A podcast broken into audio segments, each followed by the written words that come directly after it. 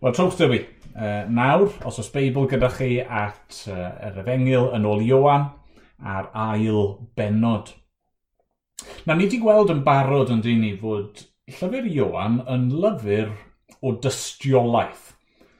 Tystiolaeth sy'n cael ei gyflwyno i ni fel darllenwyr gyda'r bwriad o, o yn cael ni i weld pwy yw Iesu a'n cael ni i gredu ynddo fe a felly i dderbyn bywyd trygwyddol.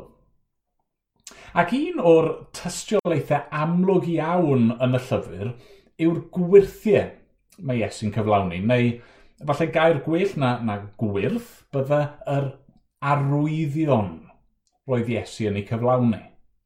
Oherwydd dyna oedd pwrpas yr gwirthiau, pwrpas yr gweithredoedd uh, rhyfeddol yma, ro'n nhw'n arwyddion. Ond nhw'n ffordd i ddangos i'w ddisgyblion rhywbeth amdano fe ei hun. Roedd e'n ffordd e, i Iesu ddangos i ni rhywbeth amdano fe a'i bersonau, a'i waithau. Dyna mae Iowan ei hun yn ddweud yn dyfa yn adnod 11. Gwnaeth Iesu hyn, y cyntaf o'i arwyddion, yng Nghana Galilea. Amlygodd felly ei ogoniant a chredodd ei ddisgyblion ynddo. Mae Iwan yn dweud fan hyn fod Iesu trwy'r arwydd yma yn amlygu ei ogoniant pan ddaeth Iesu i'r byd, pan ddaeth y gair yn gnawd a phreswylio yn ein plith ni, roedd ei ogoniant yn cael ei guddio mae'r Beibl yn dweud mewn man arall bod Iesu wedi gwagio ei hun. Fod e wedi dod ar ffurf gwas. Hynny yw, roedd ei ogoniant, y gogoniant oedd yn perthyn iddo fe uh, ers tragwyddoldeb, yn cael ei guddio nawr dros dro tra bod e ar y ddeiar. Ond mae yna adegau lle mae yr gorchydd yn cael ei dynnu ffwrdd fel petai am y goleuni Christ a'i ogoniant e yn llywyrchu trwy fa, a mae hyn uh, yn esiampl o un o'r adegau hynny. A felly, wrth i ni ystyried yr hanes yma, bore yma, mae'n rhaid i ni gofio dau beth. Gyntaf i gyd, mae'n rhaid i ni gofio fod y pethau yma wedi digwydd go iawn. Dyna yw bwriad Iowan wrth uh, eu cofnodi nhw. Maen nhw'n arwyddion a naeth Iesu go iawn, digwyddiadau hanesyddol. Os mae jyst rhyw chwedle oedd y straeon yma, os oedd Iowan eisiau ni darllen nhw fel rhyw fath o allegory, wel, bydda hynny ddim yn arwydd o gwbl, bydda ni ddim yn dysgu unrhyw beth go iawn am yr arglwydd Iesu Grist. Ond, er fod y pethau yma'n hanesyddol, Er mwyn i ni deall nhw a deall yr arwyddion, mae'n rhaid i ni weld fod yna elfennau symbolaidd iddyn nhw. A felly, be ni'n mynd i wneud yn syml iawn yw, yw i fynd trwy'r hanes ac edrych ar well, beth yw'r symbolau yn y stori. Beth yw'r er elfennau symbolaidd yn yr hanes a siwr mae'r pethau yna i gyd yn dod at ei gilydd er mwyn dangos rhywbeth i ni o'r arglwydd Iesu. I ddechrau te, beth yw'r symbol cyntaf yn yr hanes? Wel, y symbol amlwg cyntaf yw, yw priodas, ond dyfa. Uh, dyna uh, yr achlysur sy'n cael ei ddathlu, y trydydd dydd, roedd priodas yng Nghana Galilea ac roedd mam Iesu yno gwahoddwyd Iesu hefyd a'i ddisgyblion i'r briodas. A felly mae Mair, mam Iesu, uh, yno, falle bod, bod yna rhyw gysylltiad teuluol, ni ddim yn siŵr, falle bod hi yno yn helpu gyda'r trefniadau. A dyna pam mae'n gofyn i Iesu i, i helpu ac i ymyryd uh, yn y sefyllfa. Ni ddim yn gwybod. Ond mae Iesu yno a mae ei ddisgyblion gyda fe. A mae'n ddiddorol na gwe fod Ioan yn nodi fod y pethau mae'n digwydd ar, ar y trydydd dydd. Uh, be mae'n golygu wrth gwrs yw y trydydd dydd ers be ddigwyddodd diwetha, ers galw uh, Philip a, a Nathanael. Ac eto chi methu teimlo, helpu ond teimlo fod Iwan just yn rhoi rhyw, rhyw hint bach i ni. Um, rhoi rhyw uh, wink bach slei. Uh, trydydd dydd, cofiwch nawr, mae hwn mynd i fod yn arwydd o cael. Ond ta waith, maen nhw yno efo'i gilydd yn y briodas yma. Ac wrth gwrs, mae, mae priodas yn beth hyfryd. Mae'n achlysur o ddathlu. Um, dyw pawb ddim yn priodi. Dyw priodas ddim i bawb. Mae'r Beibl yn dweud, mae rai pobl yn cael ei galw i briodas. Mae rai pobl hefyd yn cael ei galw i fywyd sengl. Um, ond mae priodas yn rheswm i ddathlu a hynny oherwydd fod e'n rhodd gan ddiw. Mae priodas yn rhywbeth sydd wedi ei sefydlu gan ddiw. Sonis i ar ddechrau'r oedfa yn do, uh, un o'r digwyddiadau cyntaf yn y Beibl yw priodas. Addag Efan, yr, yr dyn a'r dynes cyntaf yn dod at ei gilydd yng Ngholwm Priodas. Ond wrth i'r hen testament fynd ymlaen, mae'n amlwg fod priodas hefyd uh, yn, yn rhywbeth symbolaidd. Hynny yw fod yna arwyddocad dyfnach i uh, gŵr a graig yn dod at ei gilydd mewn cyfamod priodas. Yn wir wrth i ni ddarllen ymlaen uh, yn yr hen testament, i ni'n gweld Dyw yn dechrau siarad am briodi ei bobl mae'n disgrifio ei hun fel priodferb ac ei bobl e fel y briodferch. Ac wrth gwrs, mae hynny'n cyrraedd ei, ei anterth yn y testament newydd e, pan mae'n cael ei ddatgyddio i ni fod priodas wedi cael ei roi yn y lle cyntaf er mwyn pwyntio ni at y berthynas rhwng Christ a'r Eglwys. Mae y geiriau grymus yma yn llythyr Pôl at yr effesed. Chwi wir, carwch eich gragedd, fel y carodd Crist yntau'r eglwys, a'i roi ei hun drosti i'w sancteiddio a'i glanhau ar golchiad dŵr a'r gair. Er mwyn iddo ef ei hun ei chyflwyno iddo'i hun yn ei llawn o goniant, heb fod arni fyrchein na chrychni na dim byd o'r fath, iddi fod yn sanctaidd a di fai.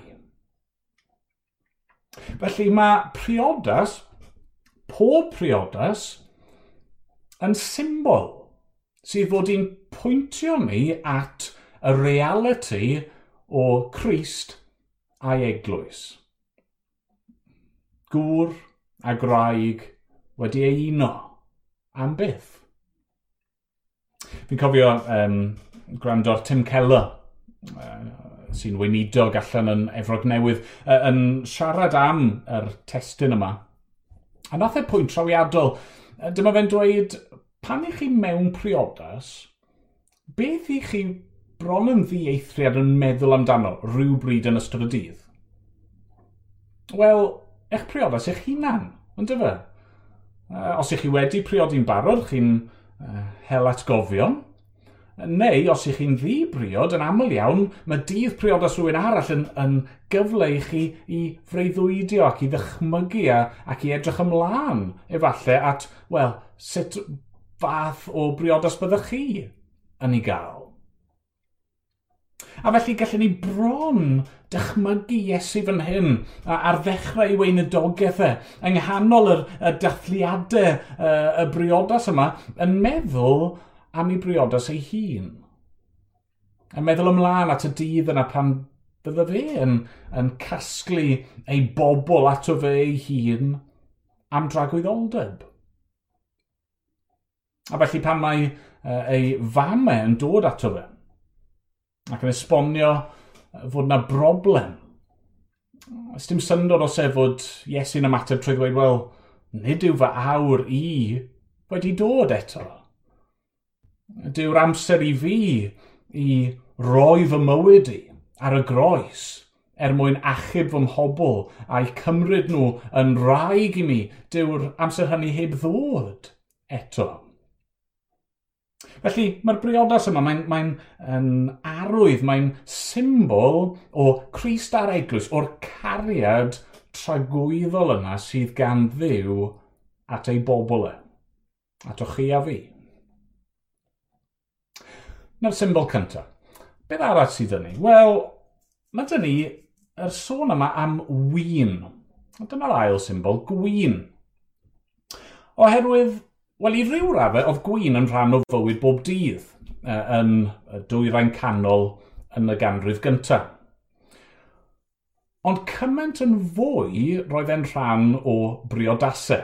Hynny yw, gallwn ni bron am mynd mor bell a ddweud bod chi'n methu cael priodas heb gael gwyn. Pam?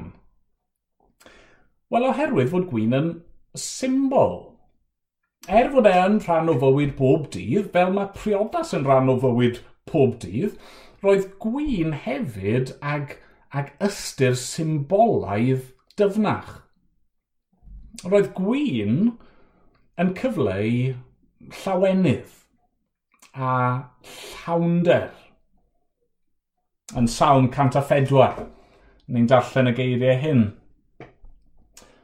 Rwy ti, yn gwneud i'r gwell dyfu i'r gwartheg, a phlanhigion at wasanaeth pobl i ddwy'n allan fwyd o'r ddeiar, a gwyn i lomi calonau pobl, olew i ddisgleirio eu hwynebau, a bara i gynnal eu calonau. Mae'r salmydd yn dweud fod Dyw yn rhoi yr holl beth yma, ond gan gynnwys gwyn, pan mae'n cael ei ddefnyddio yn gyfrifol er mwyn i ni ei, ei fwynhau, er mwyn lloni ein calonau ni. Mae gwyn yn, yn symbol o fendith Dyw. Falle bod chi fel fi a, a stym syniad ych chi am amaethyddiaeth, ond, ond mae hyd yn oed rhywun fel fi yn gwybod, er mwyn gwneud gwyn, mae'n rhaid i chi cael wynwydden, a mae tyfu wynwydden uh, yn cymryd amser hir. Mae'n rhaid i chi fod â uh, amser o heddwch heb gylynion yn dod ac yn dinistrio yr planhigion. Mae'n rhaid i chi gael um, hael a glaw yn ei tro. Uh, mae gwyn yn arwydd o ffyddlondeb ac o fendith diw. A felly, roedd gwyn mewn priodas yn fwy na just rhywbeth i'w yfed. Oedd e'n arwydd o, o lawenydd, yn arwydd o lawnder, yn arwydd o fywyd dan fendith diw. Falle bod yn dod chydig yn gliriach nawr pam fod rhedeg allan o wyn yn beth mor ddifrifol. Adnod tri, pallodd y gwyn. A meddai mam Iesu wrtho ef, nid oes canddynt wyn. A ni ddim yn gwybod beth sydd wedi mynd o'i lef yn hyn. Oedd priodasau yn y cyfnod yma yn bethau mawr, yn aml llawer iawn o bobl yn cael eu gwahodd a yr holl uh, ddathliadau yn mynd mlaen am ddyddiau. Ac um, pwy bynnag sydd ar y fai, rhywsut neu gilydd, mae'r gwyn wedi rhedeg allan. A felly bydde hynny wedi bod yn, yn gywilyddus. Bydde'r priodfa wedi bod yn embarrassed llwyr. Doedd rhedeg allan o wyn ddim yn argoeli'n dda i ddyfodol y briodas. Mae'r gwyn yn pallu. Mae'r parti drosodd. Mae'r hwyl yn dod i ben. Falle bod ych chi rhyw brofiad o siwr mae hynny'n teimlo yn eich bywyd chi.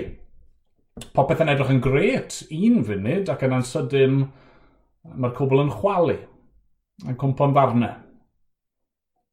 Um, chi'n meddwl am rai o'r yr hanesion erchill yna, nôl yn 2008 ar ôl yr crash economaidd.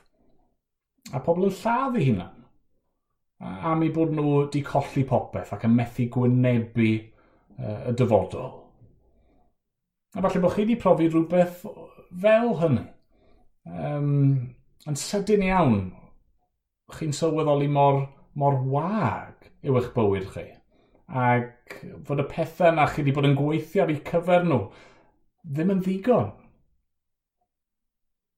I lawer o bobl, dyma fydd eu profiad nhw rhyw ddydd. Pan fydd bywyd yn dod i ben, a byddwn nhw'n dod wyneb yn wyneb ar arglwydd ac yn gorfod rhoi cyfrif iddo fe a y cwbl fydd ganddyn nhw ar ôl yw cywilydd a siom. Yn yr ail symbol.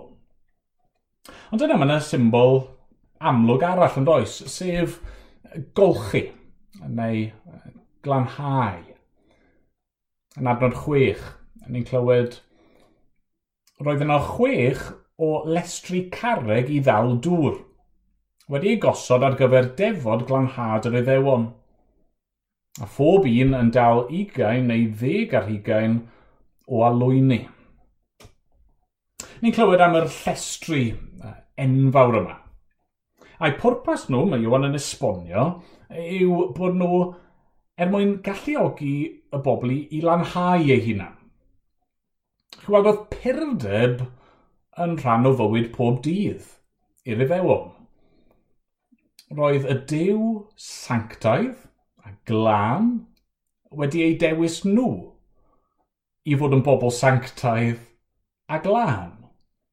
Roedden nhw fod yn bir. Roedden nhw fod yn wahanol i y byd o'i cwmpas nhw. Ac yn ôl y gyfraith roedd Dyw di roi i'w bobl, roedd yna bob math o bethau oedd yn gallu gwneud person yn amhir, yn aflan. Pechod, yn amlwg, yn eich gwneud chi'n amhir, ond hefyd unrhyw beth oedd yn gysylltiedig gyda phechod. Unrhyw beth oedd yn gysylltiedig efo'r cwymp yn y greadigedd. A felly, i'r bobl yng nghyfnod Iesu, concern cyson iddyn nhw byddai, wel, ydw i yn lan? Ydw i yn bir? Ydw i yn ddigon glân i nesau at y dew glân? Ond mewn ffordd, dyna un pwrpas mawr y gyfraith roedd Dyw di roi i'r bobl oedd ei atgoffa nhw yn gyson chi ddim yn lan. Ych chi ddim yn bir chi ddim yn gallu nesau ato fi yn eich heiddiant eich hunan. Ni wedi cael blas bach o hyn, ond o yn ddiweddar, y pwyslais mawr ar, ar hylendid. Mae rhaid chi olchi'ch dwylo yn gyson, canu penblwydd hapus dwywaith neu beth bynnag i chi'n ei ganu, neu'n siŵr bod yna ddigon o sebon. Ac wrth gwrs mae hynny'n gyngor da trwy'r amser. Ond beth am pan i chi yn gorfod gadael y tŷ ac yn gorfod ymwneud â phobl eraill a pethau eraill? Beth am pan mae'r siopa yn cyrraedd uh, y tŷ ac uh, chi'n poeni weld pwy sydd wedi bod yn trin hyn ac yn cyffwrdd hyn ac yn tisian dros hyn? Nes i weld llun oedd rhywun di rannu o, o berson di cymryd i siopa nhw i gyd a di gwagio fe mewn i'r bath er mwyn ceisio glanhau a, a golchi y cwbl. A wrth gwrs, os ych chi'n ddigon ofalus, os ych chi'n ddigon trylwyr, falle fydd e'n gweithio. Falle newch chi osgoi cael eich heintio gan Covid-19.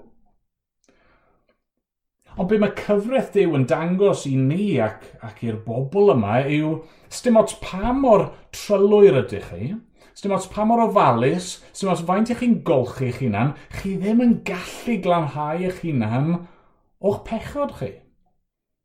Gallwch chi gloi eich hunan i ffwrdd o, o'r byd a, a cheisio peidio dod i gysylltiad a neb na dim, y broblem yw fod pechod tu fewn i ni. Yr ein calon ni. Ond oedd Dyw wedi afo delio gyda pechod y bobl.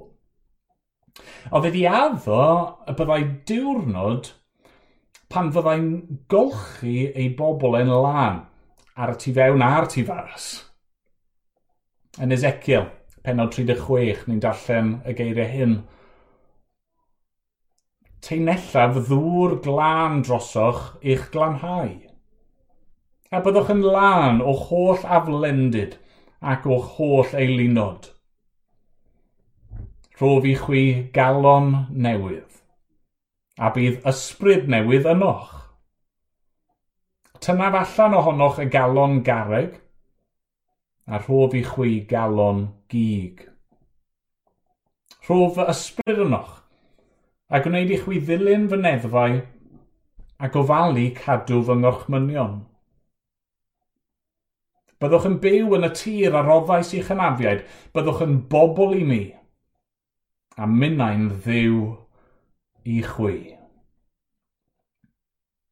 Ond mae Iesu nawr yn cymryd y, y llestri yma. Y llestri oedd wedi ei neilltio ar gyfer glanhau y bobl ac mae e yn rhoi defnydd newydd iddyn nhw, yn dydy? Mae fel tas o fe'n dweud, chi'n gwybod y symbol yma o'ch pechod ac eich aflendir chi, os dim angen y mwyach. Felly, o'r diwedd, allwn ni ddechrau tynnu a gobeithio bod chi yn barod yn eich pen ac yn eich calon wedi dechrau tynnu yr holl beth yma at ei gilydd. Ydych chi'n chi, ydych chi dechrau gweld be mae'r arwydd yma'n dangos i ni o Iesu? Ydych chi'n gweld fod e'n fwy na rhyw tric rhyw hyd a lledrith. Ydych chi'n dechrau gweld rhywbeth o'i ogoniant e yn amlygu ei hun i chi? Pwy yw Iesu? Fe yw'r priodfawb sydd wedi dod i geisio ac i achub ei bobl a'i cymryd nhw yn briodferch iddo fe ei hun. Fe yw'r un sydd wedi caru a ein dewis ni ac wedi rhoi ei hun yn aberth a wedi ymrwymo ei hun am dragwyddoldeb i mi. Mae wedi dod er mwyn cynnig gwyn newydd i ni, llawenydd a llawnder, bywyd dan fendith diw. Mae wedi dod i gynnig bywyd tragwyddol fydd byth yn dod i ben uh, pa mae'r byd yma a pethau'r byd wedi darfod a wedi ei difa a wedi ein siomi ni, bydd e yn parhau a'i fendydd e yn parhau. Mae Iesu yn ein gwahodd ni i wledd briodas fydd yn parhau am dragwyddoldeb. Mae wedi dod i'n golchi ni, a'n glanhau ni. Tu fewn a thu fas, mae di dod i wneud e, beth doedd y gyfraith yn methu wneud. Mae di dod i wneud beth i ni methu gyflawni trwy'n ymdrech yn hunan. Mae di dod i wneud hynny trwy wynebu ei awr e ar y groes. Chi'n cofio wrth i Iesu farw Mae un o'r milwyr yn, yn ei drywanu yn, yn gwthio picell trwy ei ystlys e, a mae ma yna ddŵr a gwaed yn llifo allan. Ac yna, ar y trydydd dydd, mae'n atgyfodi. Dyma y cyntaf o saith arwydd fawr mae Iwan yn cofnodi i mi. Mae yna lot o wirthiau eraill wrth gwrs, ond mae Iwan fel tas yma'n pwysleisio y rhain, saith, uh, sydd yn dangos cyflawnder gwaith Iesu. Uh, saith, uh, rhif y, y greadigaeth, uh, yn dangos bod Iesu fan hyn yn, yn dechrau rhywbeth newydd. A fan hyn, yn y cyntaf ohonyn nhw, yn syth i ni'n gweld rhywbeth, rhywfaint o ogoniant Christ. Ni'n gweld ei gariad e. Ni'n gweld ei ddaioni e. Ni'n gweld ei aberth e. Ni'n gweld fod e'n gwahodd ni y bore mae i ddod ato fe i fod yn rhan o'i briodferch e.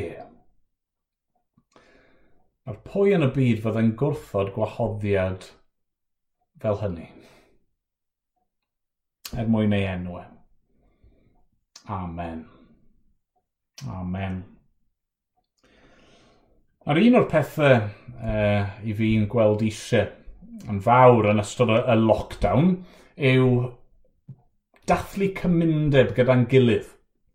I ni ddim yn gallu dod fel eglwys i, i dorri bara ac tywallt gwyn a rhannu uh, er, yr pethau hynny o amgylch a ein bod ni ar y foment wedi'n gwahanu oddi wrth yn gilydd. Ond wrth gwrs mae, mae swper yr arglwydd, y cymun, yn tynnu at ei gilydd nifer o'r themau i ni wedi edrych arno y bore yma. Mae Iesu cyn Gwynebu'r Groes yn rhoi gwyn i'w ddisgyblion. A mae'n dweud mae'r gwyn yma maen nhw'n ei yfed i, i ddathlu a, a, a i lawenhau ynddo fe, y gwyn yma yw ei waed e. Ei waed e sy'n cael ei rhoi dros o ni, dros ein pechod ni, i'n glanhau ni.